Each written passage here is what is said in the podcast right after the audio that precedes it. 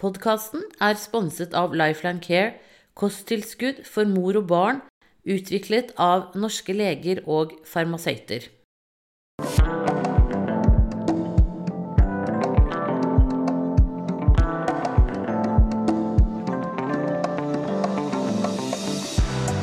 Hei, og velkommen til denne podden som skal handle om ernæring og smaksutvikling hos barn fra de er født og til sånn ja, røftlig rundt to års alder.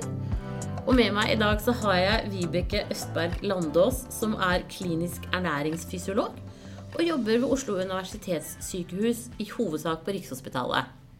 Velkommen. Tusen takk. Ja, dette kan du mye om, Ja, heldigvis. ja det er det jeg jobber med. Ja. Ja. Jobber mest med allergi, Ja. men det blir jo mye generell eh, barneernæring også. Ja, ikke sant? For man må jo liksom begynne med starten mm. på et vis. Og så se For det fins noen som er allergiske mot morsmelk også, gjør det ikke det? Jo, De er jo ikke allergiske mot morsmelka, men de er Nei. allergiske mot eh, ting som mor spiser. F.eks. hvis de er allergiske mot eh, kumelksprotein, så kan de reagere på at mor eh, drikker kumelk. Å, ja. Eller egg, f.eks. Eller nøtter. Men, men hjelper det da hvis mor ikke spiser de produktene, og, og så ammer? Ja. Så da må mor stå på eliminasjonsdiett. Ja, men, men jeg har jo møtt folk som sier at barnet er allergisk mot deres melk. Mm. Ja, De er ikke allergisk mot uh, morsmelka som sådan, men uh, det er altså uh, allergener som overføres i, Ja. i, via morsmelka. Fordi proteinene i maten ikke blir helt spaltet, så da blir noen av de allergenene værende i stor nok form til at man fortsatt kan reagere på dem. Ha, da lærte jeg allerede noe nytt. ja. Og så er jo du opptatt av dette med eh, Det er bra med amming, men kanskje ikke nødvendigvis så lenge som mulig for enhver pris. Altså sånn som hovedmåltid. Ja, nettopp. Altså det er klart at For et lite barn de første første fire levemånedene, så er morsmelk det eneste barnet skal ha, eller alternativ en morsmelkserstatning hvis eh, mor ikke kan amme. Eller om man ønsker å kombinere de to. Men det er jo det etter det som er spørsmålet, fordi barnet skal jo tross alt leve på mat i framtiden. Ja. Det er jo ikke morsmelk som liksom er eh, fremtiden for barnet. Sånn at eh, jeg er nok opptatt av at man eh, også fokuserer litt på det barnet skal spise framover.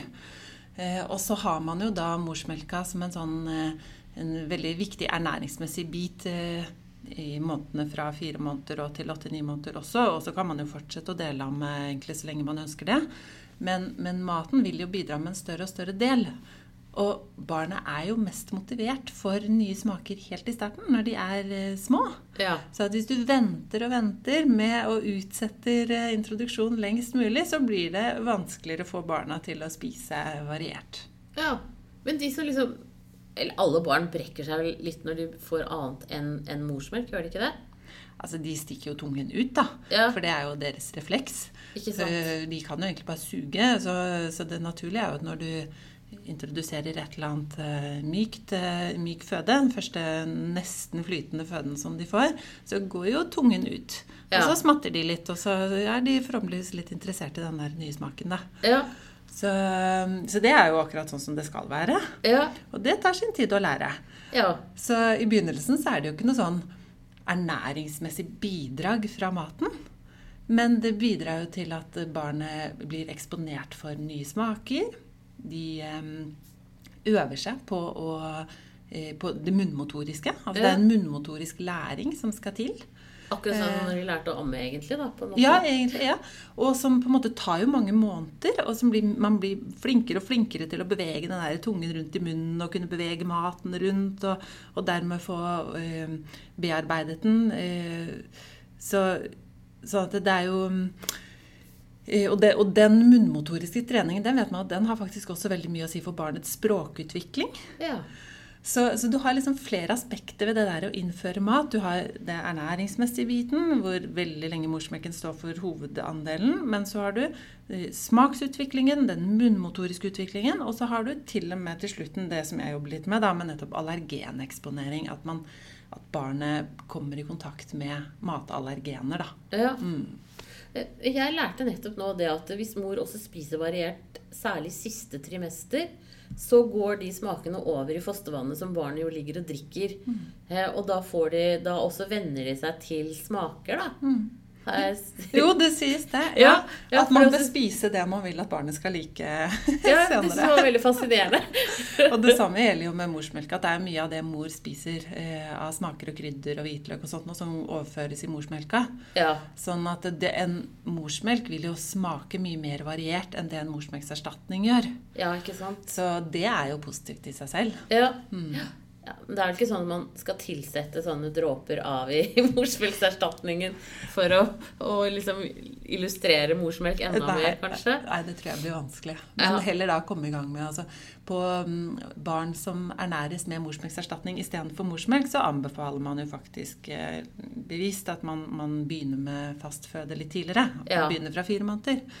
Ja, ikke sant. Eh, Så da får du inn eh, en større smaksbredde da, da. Ja. Mm. Og så, og så tenker jeg også det der med, med, med morsmelk, at selv om man går over på fast føde, så er det jo viktig å fortsette å sideamme eh, egentlig ganske lenge, da, i forhold til det med immunstoffer og, og mineraler, vitaminer Altså sånn litt av den nærings... Det er noe viktig næring som kommer fortsatt. Ja, eh, altså når barnet er ett år og begynner i barnehagen og sånn, så er jo det vanligste at folk kanskje, hvis de fortsatt ammer, at de gjør det om Ja, morgen og morgenen kveld, og ja, ettermiddagen og kveld, f.eks. Mm. Uh, og det er veldig positivt. Og det er immunstoffer, som du sier, som kan være nyttig når man møter på all mulig av eh, mikrober i en barnehage. Ja. Uh, og amming er jo, eh, altså er jo med å forebygge infeksjoner hos barnet. Eh, sånn at det er absolutt veldig positivt. ja. Men det er klart at når du er blitt så stor, så vil faste føden være hovedbidragsyter til ernæringen. Ja. Eh, Men det kan være, kan være andre, eh, næring, eller andre stoffer. Mm. Og, og vi snakket jo litt sammen nå før vi begynte, og da snakket du også om det der med eh, at det at du går over til sånne grøter og sånn som er eh, beriket, da. At det er, er viktig at man, at man Du er opptatt av det at man sørger for at barnet får nok næring, at det ikke er liksom tom Ja. mat Ja. de får. ja, det er utrolig viktig, faktisk. Fordi altså barn, små barn de har et utrolig stort eh, næringsbehov. Ja. Eh, Det er helt fascinerende. Altså hvis du ser på en, en ettåring f.eks., så er altså bare energibehovet deres er per kilo kroppsvekt tre ganger så høyt som oss voksne. ja. Ja. Det er mye. Så de spiser mye. Eh, og i tillegg, da, hvis du ser på behovet for mikronæringsstoffer, altså vitaminer, mineraler og sporstoffer, eh, så er det altså nesten på nivå med voksne, eh, voksnes behov. Så jernbehovet f.eks. til en toåring, da, det er 8 mg, og for en voksen mann så er det 9 mg. Ja. Og denne toåringen skal da klare å få i seg det på, det på et energiinntak som er kanskje en tredjedel. da. Og det betyr jo da at alt det, eh, det barnet spiser, bør være mye mer konsentrert på næringsstoffer. Mens den voksne mannen kan godt på en måte sløse bort litt, eller fylle opp litt med tullemat, da, for Ja. å si det sånn. For det er det eh, rom for. Ja, han, han får uansett i seg nok stor jern. Ja, ikke sant? Så, så jeg har jo tenkt på det mange ganger så ser mor trille av gårde på barnevogn, og hun spiser sånn eh, rugbrød med, med spirer og, og diverse, ikke sant? Og så sitter ungen i, i vognen med en bolle. Og det Ja. burde jo vært omvendt. Ja, det er jo ungen sant. som har behov for alle disse næringsstoffene eh, aller mest. Ja. Så å være litt forsiktig med eh, tomme kalorier eh, for små barn, det er et veldig viktig gjennomgående poeng. ja. Og, og Og da, da, tomme kalorier, det er jo alt som bare gir energi, på en måte, og ikke, gir, ikke drar med seg proteiner, essensielle fettsyrer, vitaminer osv. Ja. Mm. Men, men hva vil liksom være ditt råd, da? Så, ha, eh, så har man eh, ammet da til babyen er fire måneder. Hva, hva slags råd gir du da?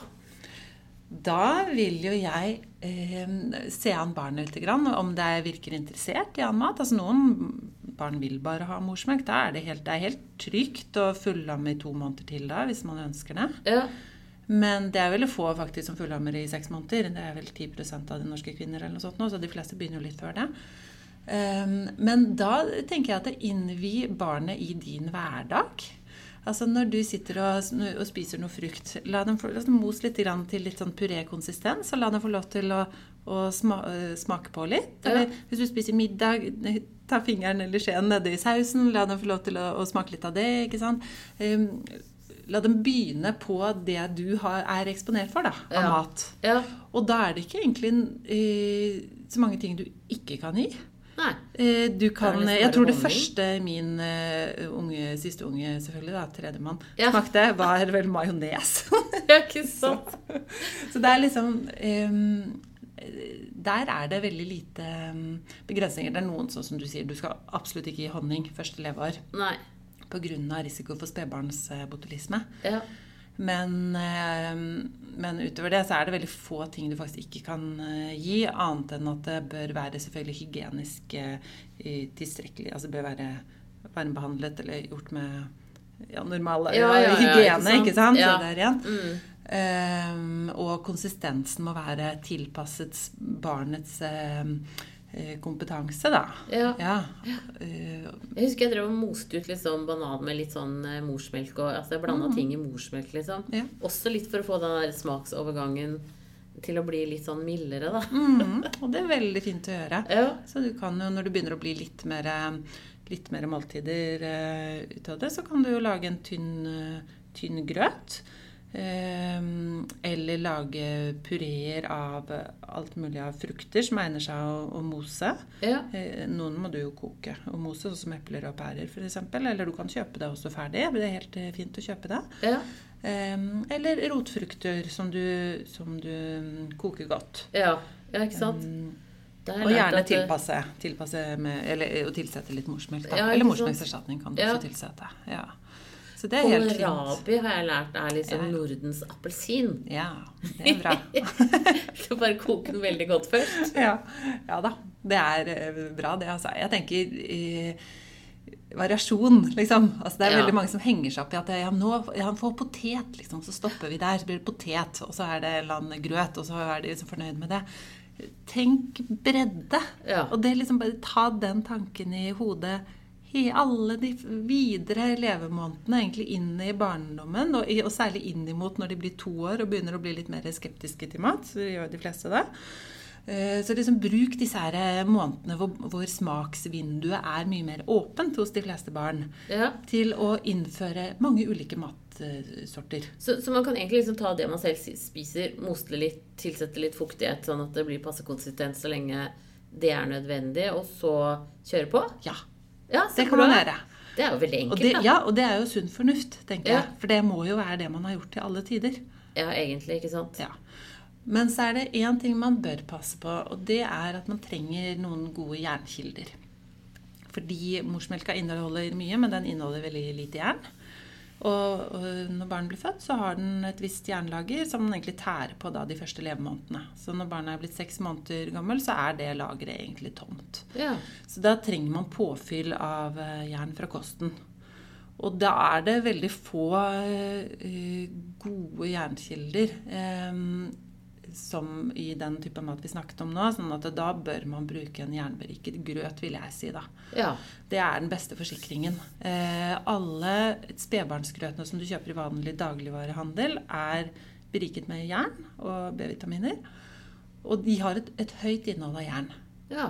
Så de er eh, Hvis man liksom får inn en sånn grøtporsjon morgen og kveld, f.eks., så har man på mange måter sikret veldig godt det. Jernmangel er jo den vanligste mangelen hos norske barn. Det er Ja. ganske utbredt. Hvordan vil du Eh, merke på et barn at det har jernmangel? Du, altså, kan du si hvis det går langt, så får man jernmangel og anemi. Eh, Ja. Da har man redusert utholdenhet. Hvordan vurderer du det hos det lille barnet? Det er ikke så lett å vurdere. Nei. Eh, Men det som er viktig å vite om, er at det påvirker, påvirker jo kognitiv utvikling og motorisk utvikling. Og det har man sett i en rekke studier. Og det som også man ser i de studiene, er at hvis du følger barn som har fått korrigert sin jernmangel eh, tidlig, kontra de som går flere år med jernmangel før de får det korrigert, Mm. så klarer man på en måte å reversere, reversere det gapet som de ligger etter da i disse kognitive testene. Ah, ja. Hvis du det, hvis du går inn tidlig og internerer. Ja. Sånn at det, det er lurt å, å være litt sånn føre var eh, når det gjelder jernmangel. For du Ja. går jo vanligvis ikke og tester barna. Nei. eh, Ikke sant? Så å ha inn, eh, nettopp ha inn en god jernberiket grøt eh, etter to måltider per dag. Hvis man bruker morsmelkerstatning i kombinasjon eller alene, så er jo den godt jernberiket. Da. Så er der er det jo mye mer eh, Så da er man jern. litt er- mer sikre. Ja, er, da blir jo ikke det et problem, egentlig. Nei. Men så har du jo jod. Det er jo så veldig i skuddet både for gravide og småbarn om dagen. Ja, det er det. Det er det mye snakk om, og det er veldig bra. Ja. Jod har, er jo litt sånn som um, jern, at det er ikke så mange sånn veldig gode kilder til det. Det er melk og fisk, hvit fisk, da, Ja. som vi får jod fra i praksis. Så både barn og voksne får to tredjedeler av jodinntaket sitt fra melkeprodukter, og så får de sånn 20% fra fisk, omtrent. Så, så det betyr jo at eh, Og, og eh, hvor, mye barn, hvor mye jod barnet får i seg, det reflekterer mors status. Ja. Så mor må passe på sin egen jodstatus. Men hvis mor eliminerer melk i kosten pga. Ja. et eller annet, så vil det jo bli lite jod i melka Ja. og til barnet Ja. også. Og, og også hvis barnet eliminerer melk. Altså, de fleste barna jeg jobber med, har jo melkeallergi. ja. Eh, Så de må jo ha et eller annet substitutt som inneholder jod. Ja, ikke sant. Mm. Men sånn yoghurt og sånn, det, kan barn under ett år spise det? Det kan de fint gjøre. ja. Ja. De Grunnen til at man ikke anbefaler å bruke så mye av det før de er ti måneder, det er fordi at det, det smaker godt og ofte tar litt stor plass. Ja. Sånn at de da kanskje spiser mindre av en jernberiket grøt og brød, grovbrød og med jernrikt ja, pålegg og sånn, sånn at risikoen for jernmangel øker. Men, men sånn som eh, Nå er det lenge siden jeg fikk barn, da. Men for 20 år siden da var det jo sånn at de, barn ikke skulle få eh, melk før de var ett år gamle pga. at melkeproteinene var så store. Ja, Åssen er det nå? Ja, nei, det var nok Jeg tror ikke det var fordi proteinene var så store. Men eh, nei, det er jernmangel som har vært problemet med melk. Fordi man ser at når barn får et høyt, eh, et høyt inntak av mat, melk type sånn over en halv liter om dagen, Ja.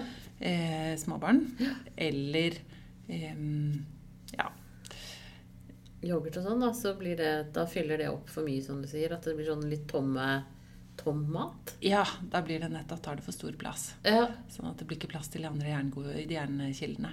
Og så er det en del som tenker at det er pga. allergi, og det er det jo ikke. For da i så fall så kunne man jo ikke brukt vanlige grøter. Fordi alle spedbarnsgrøter har jo melk som sin første ingrediens. ja, Så du, du bruker jo melk til maten med en gang barnet begynner å spise. Det er jo Ja. det første allergenet alle barn kommer borti. Så, men det er bare akkurat liksom som ren drikkemelk og yoghurt at du venter med, med å bruke det til barnet er sånn 10-12 måneder. Ja. Mm. Men, men sånn siden du jobber med det, hvor, hvor mange prosent ville du sagt er melkeallergikere sånn røftlig? Det er eh, 2-3 prosent. Ja, det er ikke mange. Nei, det er jo ganske mange likevel, da. Eh, altså det er en relativt vanlig sykdom, for å si det sånn, men nå er det nok flere, fler som mistenker at de er allergiske mot melk. Det er riktig. Ja. Så det er vel fem ganger så mange som eh, Tror mistenker allergi i forhold til de som har allergi. Det er det jo. Ja. Ja, For det er det jeg liksom tenker at man må på en måte komme seg litt nedpå. Og og så lærte jeg en gang at det, når du skal utsette et barn for nye smaker, så tar det, kan det ta inntil 20 ganger før de liker smaken. Mm, nettopp. Og det betyr at man må være litt standhaftig Ja. som forelder. Man må liksom ikke gi seg så, så fort. Det er helt naturlig at ikke de liker brokkoli første gang de får det. Ja. Altså, Selvfølgelig gjør de ikke det. Nei. Eh, så det er, det er bare å fortsette å tilby, rett og slett. Altså. Og det gjelder jo ikke bare for de minste barna. Det gjelder også for en femåring og en eh, tiåring. Ja.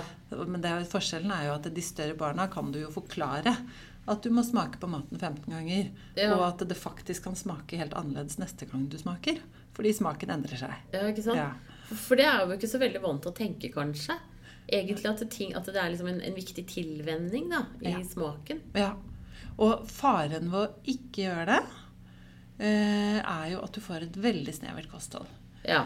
For hvis du begynner på en måte å ta bort hver gang liksom barna sier at 'det liker jeg ikke', og så sier du 'nei vel', da tar vi bort tomaten. Og Ja. da forsvant brokkolien. Og da forsvant den. Og så, ikke sant? og så sitter du igjen med 'å ja, det var, den, det var ingen grønnsaker du likte', nei.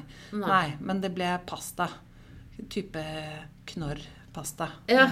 med? Du fjerner og fjerner og fjerner etter hvert som barnet forteller deg alt det ikke liker. Eh, Det er litt skummelt. Da ender du med et veldig snevert kosthold. Så på en måte fortsett å kjøre på. Det er familien som på en måte setter rammene fra, øh, for hva kostholdet i familien er. Og så er jo målet at barnet må venne seg til den kosten. ja. Mm. Nå må jeg bare sitte og tenke der fritt her, men eh, tror du at eh, søsken liksom lærer seg flere matvarer før førstefødte gjør det? Fordi de ser de andre spise liksom Det vet jeg ikke. mere? Ja, det kan godt, eh, det kan godt være. For at barn lærer i hvert fall veldig mye av hverandre. Ja. Så det beste hvis du har en skikkelig kresenfis hjemme, er jo å invitere på besøk noen små venner som syns at det du serverer, er kjempegodt. ja? Og så sitter du og snakker fantastisk om hvor godt det smaker. Faren er selvfølgelig at ditt barn smitter det andre De barnet. andre. ja, ja. ja nei, man må jo ha noen triks i boka Ja. når det gjelder dette her. Ja. Nei da, jeg tenker det er jo noen ting som du på en måte kan eh, pushe litt på. Altså Du kan jo pushe på det der med at du må smake. Eh, men du kan ikke pushe på at du må spise opp. Det er vi litt forbi. Altså, Ja, at du ikke sant? får gå fra bordet før du har spist opp tallerkenen. Ja, sånn. det håper jeg. Så, men eh, jeg pleier ofte å, mm, å anbefale at man liksom har f.eks. På, på grønnsaker, da, hvis du har en unge som bare liker gulrøtter, Ja. så har dere sikkert ikke lyst til å ha gulrøtter hver dag, så da har dere alt dere vil ha, pluss gulrøtter. Og så sier du at ok, du, kan, du må smake på alle, men du kan velge én. Ja. Eh, Da velger de sikkert gulrøtten, men de smaker i hvert fall på de andre. ja, ikke sant? Og så får man bare jobbe seg, jobbe seg videre og videre, og så plutselig så løsner det eh, for- én etter én matvare for de aller, aller fleste. Ja. Da er det greit, liksom. Ja.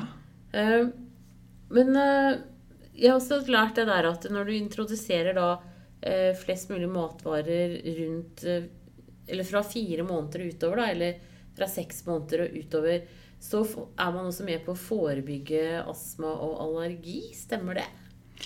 ja, det er morsomt at du sier at du har lært det, fordi det er jo så mye snakk om det nå. Ja. Og det er jo veldig spennende utvikling, og vi vet jo ikke hvor vi ender. Men du kan si sånn som det var før, eh, hvor man på en måte eh, anbefalte å utsette introduksjon. Veldig Ja. bevisst utsette introduksjon av egg og fisk. og altså, Nøtter skulle du ikke spise før barnet var i to-tre år. ikke sant? Man trodde man beskyttet barnet mot allergi med, med å ikke eksponere. Den er vi forbi, i hvert fall. Eh, og det begynte eh, faktisk litt med en, eh, en studie som kom i 2008. Som, hvor man hadde, ganske nytt. Ja, hvor man hadde eh, sett på dette med peanøttallergi, for det er jo den allergien kanskje flest er redd for.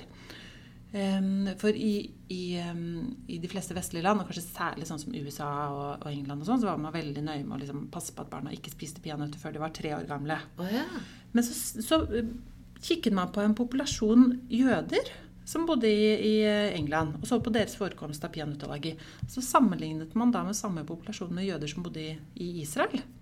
Hvor de har en helt annen fremgangsmåte når det gjelder introduksjon av peanøtt i, i barnets kost. Ja. Så så man altså da at i- mens da eh, de som bodde i Israel, de brukte peanøtter som en sånn slags weaning food, på en måte. Altså en sånn slags snack som babyene fikk når de begynte å spise. Oi. De hadde nesten ikke peanø- peanøttallergi når de da ble eldre. Så det var ti ganger så høy forekomst for eh, peanøttallergi hos de jødene som hadde vokst opp i England og ventet med peanøttintroduksjon til treårsalder, i forhold til, de da som bodde i Israel, som hadde begynt med det, Det i spedbarnsalder. Ja. Og da begynte vi jo flere å tenke at oi, kanskje vi har tatt helt feil. Kanskje det man burde gjort, var å prøve å pushe det litt eh, i tidlig alder. Ja. Og så har det jo da blitt eh, gjort mange sånne observasjonsstudier hvor man bare har kikket på når har barna begynt å spise forskjellige typer mat, og hvordan er det da med deres allergier. Og de studiene de peker egentlig, så vidt jeg har sett alle sammen i samme retning, nemlig at det er gunstig å begynne tidlig fremfor seint. ja. Og akkurat tidspunktet det er veldig forskjellig fra studie til studie. Men sånn som eh, for egg så er det en studie som, som viste at de som begynte med egg i alderen fire til seks måneder, hadde det mye mindre allergi enn de som hadde begynt eh, etter det. Ikke sant? Mens andre, andre så er det satt cutoffen på et seinere tidspunkt. Så, så nå foregår det jo da både ved vårt sykehus og, og mm, andre, eh, andre steder i verden foregår det flere sånne aktive intervensjonsstudier. Hvor du går inn og så gir du liksom en gruppe babyer mat aktivt fra enten tre eller fire måneders alderen. Så gir de liksom allergenene. Og så lar de de andre få fullamme til seks måneder. Og så ser de hvordan det går da med, med allergien. ja. Og det er veldig spennende. Og da tenker jeg når vi får de resultatene, da kan vi begynne å lage anbefalinger. Ja, ikke sant, som bygger på noe veldig reelt. Ja, sant? For vi vet jo ikke helt når hva og hvor mye og sånt. Det vet vi ikke ennå. Det lengste man har kommet, det er jo egentlig det er peanøtt. da.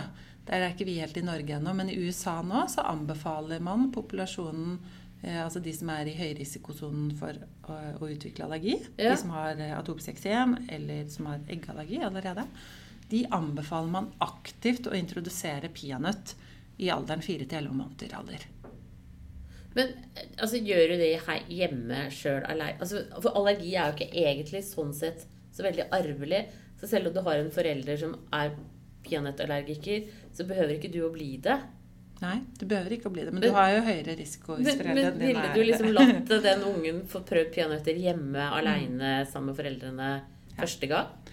Det man da er anbefaler, for nå snakker du om barn som allerede er litt inne i systemet, for de har alvorlig eksem, og de har Nei, nå snakker jeg bare om første Altså Ja, første sånn, ja. Ja, ja, helt vanlige første. unger. Ja, ja, ja, altså, altså friske, Friske, barn. vanlige barn.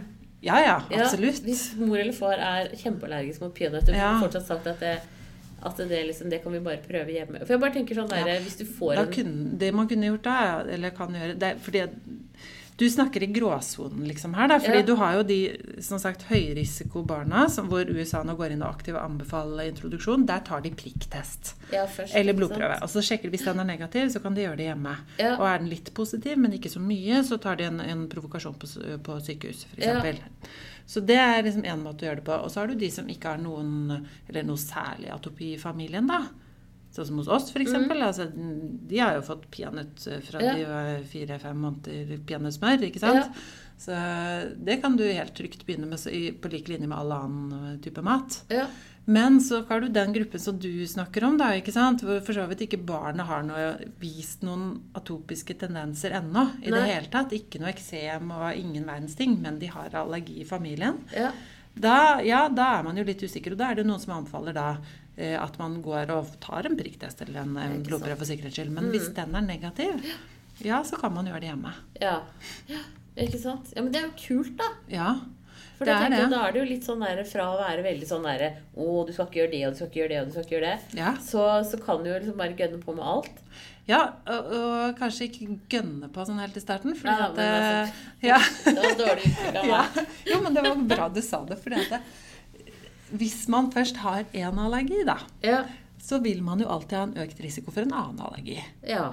Sånn at det jeg, hvis jeg har et barn som har en melkeallergi, og så ser jeg at okay, blodprøven er negativ for eh, peanøtter f.eks., eller egg, så sier jeg jo de skal gå hjem og spise det. Men jeg sier liksom ikke spis en halv eh, krukke med peanøttsmør første gangen. Men ta, ta liksom en knivsodd eh, første gang. Og så øker du litt og litt eh, mengden. Og det gjelder egentlig når du introduserer alle fisk også f.eks., eller nye allergener. Så bare begynn litt, og så øker du mengden. Men når du sier nye allergener, er det noe mat som er mer sånn allergifremkallende enn annen mat? Det er noen allergier som er mye mer vanlige. Så noen matvarer som er vanligere å reagere på. Ja. Og da er det melk, egg, hvete, soya, eh, peanøtt, trenøtter. Eh, Ja, skalldyr. ja. Fisk. Mhm. Jordbær, er det liksom Det er en sånn type histaminfrigjørende matvare. Så det er eh, stort sett helt ufarlig, men de blir ofte ganske røde rundt munnen. Oh, ja. Det gjør jo ingenting. Nei. Så ja. Ja. Og For det er jo noe med det der å skille litt hva som er farlig, og hva som ikke er farlig. Ja. Og sitrus og kiwi og, og um, tomat og, og Ja. jordbær og sånt er histaminfrigjørende matvarer.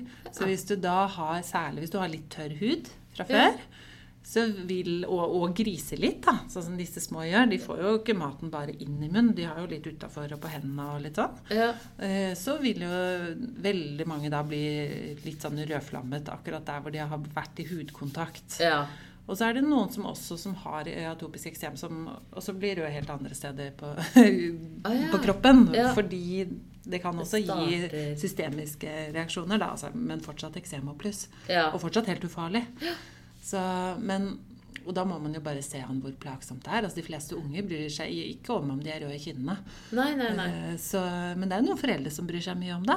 Ja, ikke sant? Og synes at det er, problematisk. Men jeg tenker at det ikke gjør noen ting. Så lenge altså Jeg ville eh, smurt huden litt, rett og slett. Smurt Ja. med en fet krem før de spiste. Så at ikke Ja, det sånn trekker at seg så godt inn i huden der de, der de griser. Ja, ikke sant? Og så delt opp, så du ikke får så mye væske da, rundt ja, munnen. Sånn rundt. Hm, men, men da tilbake til dette her med, med graviditet og amming og sånn. Altså da, da er liksom logikken i det du sier, øh, at ja, prøv alle disse tingene, kanskje da siste trimester i hvert fall. Eh, bare for moro å se at om det, det kan jo hende at det virker. For at siden barnet blir utsatt for de smakene og sånn, så jo, kan jo det være Ja, positivt. ja, ja. Og da også liksom fra fire måneders, fire til seks måneders alder, alt ettersom.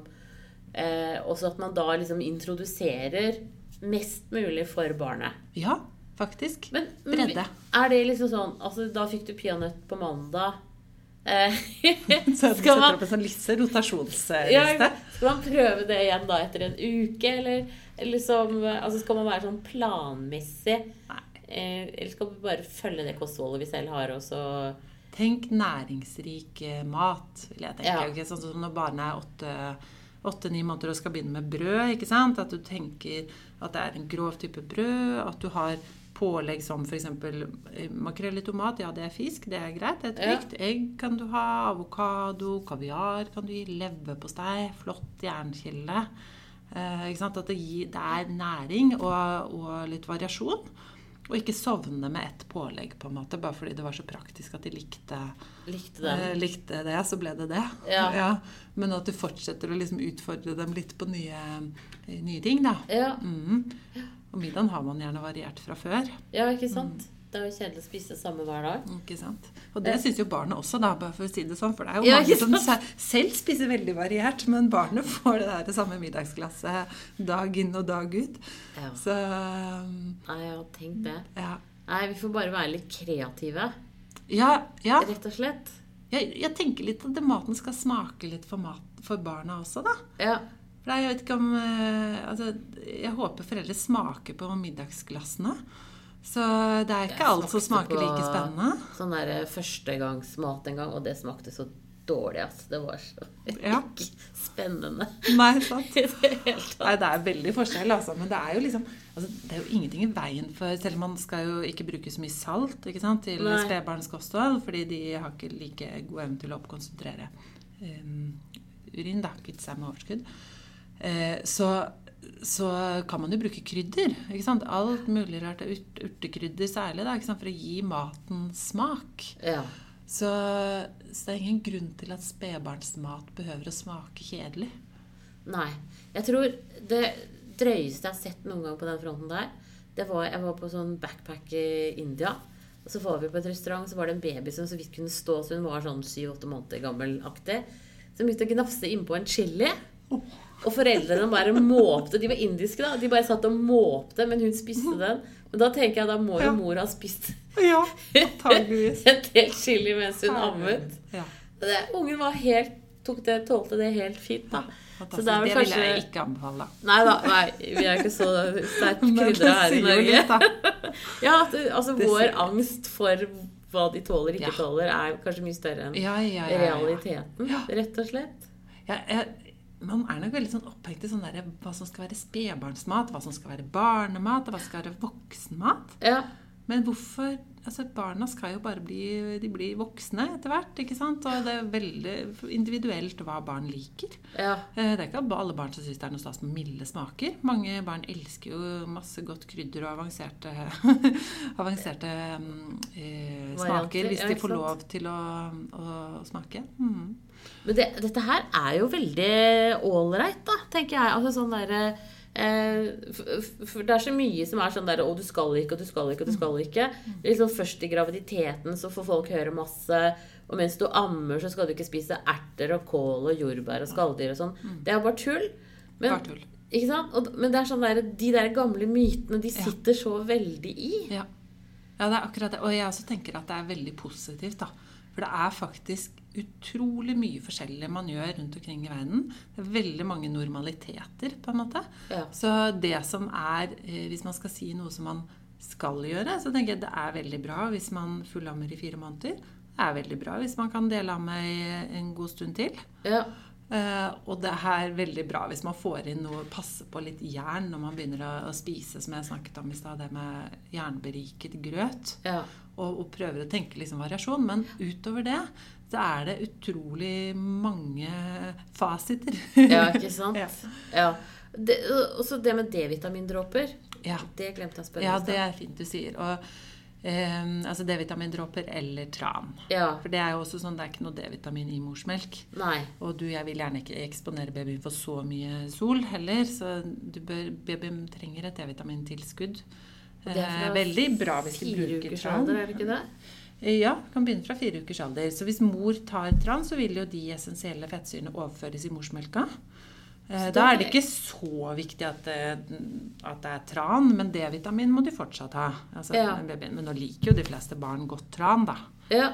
Så, så begynner med liksom en liten teskje, eh, og så trapper man opp til en, en spiseskje. Sånn, det vi nå har som spiseskje, er fem milliliter Ja. eh, tvert. Det er bra. Alternativt bruke mm, fem dråper D-vitamin. Og da er det eh, nå kommet så mange ulike varianter på markedet, så det er litt viktig å holde tunga rett i munnen. At man faktisk gir 10 mikrogram D-vitamin, som er det som er anbefalingen. Og det er det det vanlige dråpene på apoteket er. Men hvis du går på helsekost, så finnes det veldig oppkonsentrerte dråper. De er ikke, det er ikke det de skal. Nei, for da kan du rett og slett få altfor mye, Da da. blir det for mye. Ja. Ja. Så, men D-vitamin må de ha. I tran eller ja. D-dråper. Så det er liksom jern og D-vitaminer som er Ja, Og så er det kanskje én ting til man burde nevne, og det er eh, B12. Ja. Fordi altså, normalt så er B12 behøver egentlig ikke være noe problem. Det, det er ikke et problem for de fleste. Det er et vitamin som er veldig viktig for eh, kognitiv utvikling og for motorisk utvikling hos barnet. Eh, og, og mm, ja, for dannelse av blodceller og sånn også. Men eh, B12 det følger på mange måter gode animalske proteinkilder. Sånn at det er mye av det i kumelk, og det er i kjøtt og fisk og kylling og sånt. Men hvis mor er vegetarianer, Ja. Så får hun B12-mangel. Altså Ja. hvis hun er veganer, da. Ikke spiser, ja. Eh, Men også mødre som bruker melk og unngår andre eh, kilder, animalske kilder, har, eh, er det større risiko for at det blir eh, B12-mangel hos, hos barnet. For da blir det jo mindre B12 i morsmelka, og så ja, er, er- barnet da i risikosonen for, for B12-mangel. Så hvis enten da, hvis liksom familien er, eh, lever vegetarisk, så Ja. må de, da må de ha B12-tilskudd, rett og slett. Det må babyen også ha. Um, og det er også en annen gruppe som er i risikosonen som vi ser en del til, og det er de som på en måte hvor, hvor eh, de nesten fullammes liksom ut i sånn syv-åtte måneders alder. Fordi de kommer ikke i gang med spisinga. Så de er liksom på sånn eh, pyttesmå smaksprov, eh, som de kaller det i Sverige. De er der fortsatt, liksom, når de er i syv-åtte måneders alderen. Ja. Da, da syns jeg vi ser ofte B12-mangel, altså. ja.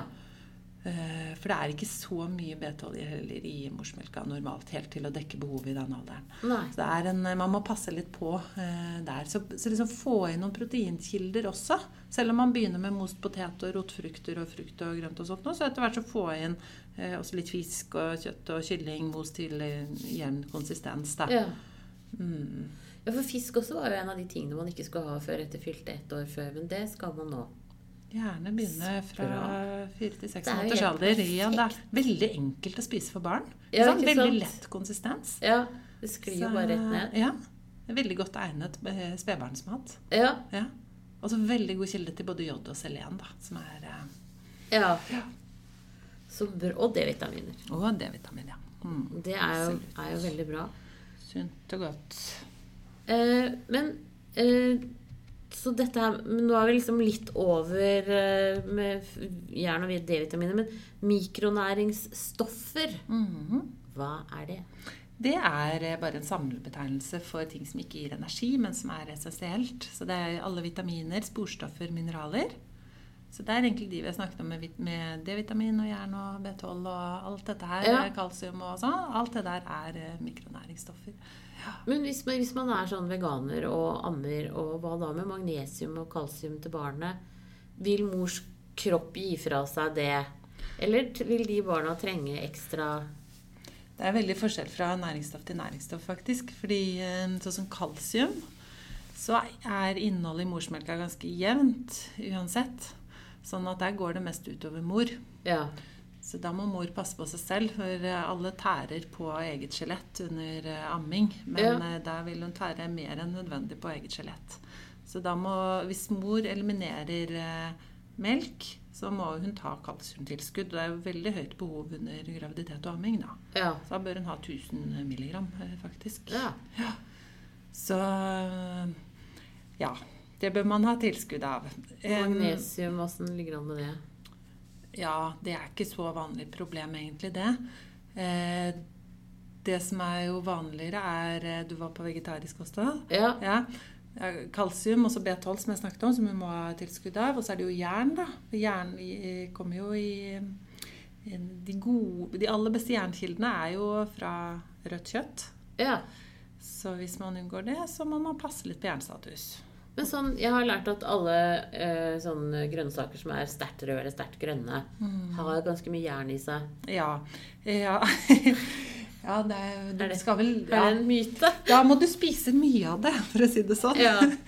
Det er ikke så, det er ikke så voldsomt mye. Altså, det bidrar selvfølgelig litt. Ja.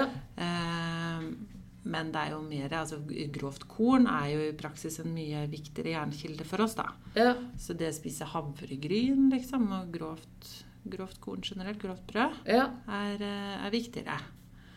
Så er det bra å spise for godt eh, fargede grønnsaker og frukt, for det er veldig mye antioksidanter i det. Ja. Eh, Men, men for jern så er det, er det andre kilder som er gode. Så i tillegg til det med sånn grøt, spedbarnsgrøt og morsmelkerstatning, som jeg snakket om, så er det jo leverpostei og viltkjøtt. Ja. fantastisk. Det er jo en del som har tilgang på liksom en, for en halv elg i ny og ne og sånn. ja. Det er jo fantastisk. Det er Ja. veldig mye jern. Så bra. Ja. Og så er man jo eh, disse barneprime-variantene da, som er jernberiket. Ja. Ja. For gjetost er jo ikke det lenger. Nei. Det er ikke, Det får de ikke lov til. det var en, en god jernkilde.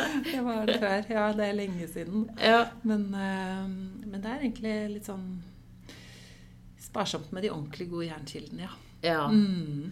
Men da tenker jeg sånn, altså hvis man skulle være i tvil, så er det jo å ta en tur til fastlegen eh, og få tatt en blodprøve. Hvis man så tenker at oi, får barnet i seg nok?